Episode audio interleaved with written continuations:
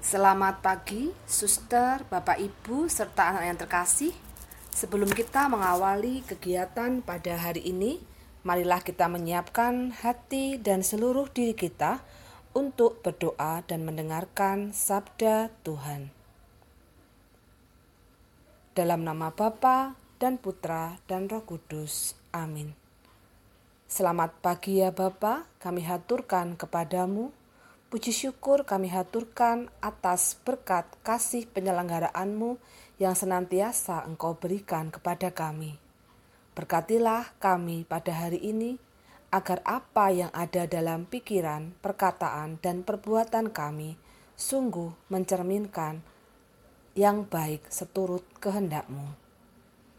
Bersabdalah, ya Tuhan, hambamu mendengarkan. Inilah Injil Tuhan kita Yesus Kristus menurut Santo Matius.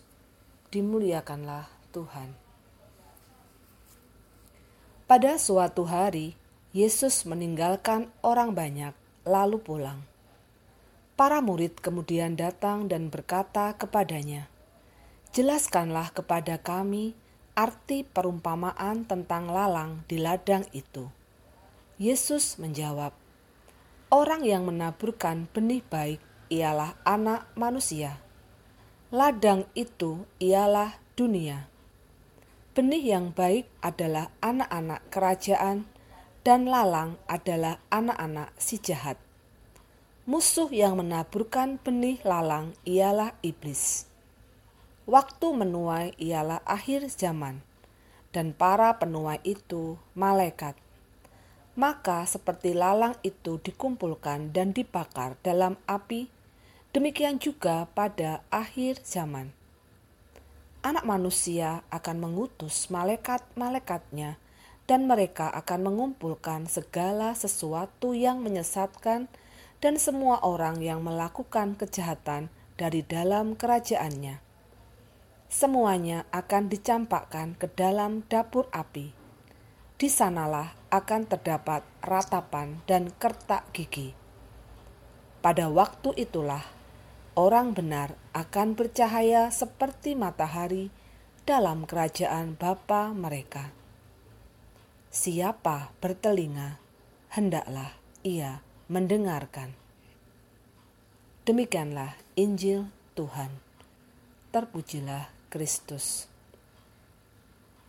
Suster, Bapak Ibu serta anak yang terkasih, bacaan Injil pada hari ini masih melanjutkan bacaan Injil kemarin. Dalam bacaan Injil hari ini, Yesus menegaskan kepada para muridnya tentang arti perumpamaan tentang penabur dan benih yang ditaburkan. Penabur benih adalah anak manusia yaitu Yesus sendiri, Sang Sabda dari Allah. Ladang adalah dunia, dan benih yang baik adalah anak-anak kerajaan Allah, yang artinya kita. Sementara ilalang adalah anak-anak si jahat yang berasal dari iblis. Dalam bacaan ini, kembali lagi Yesus menegaskan bahwa kita semua adalah benih yang baik.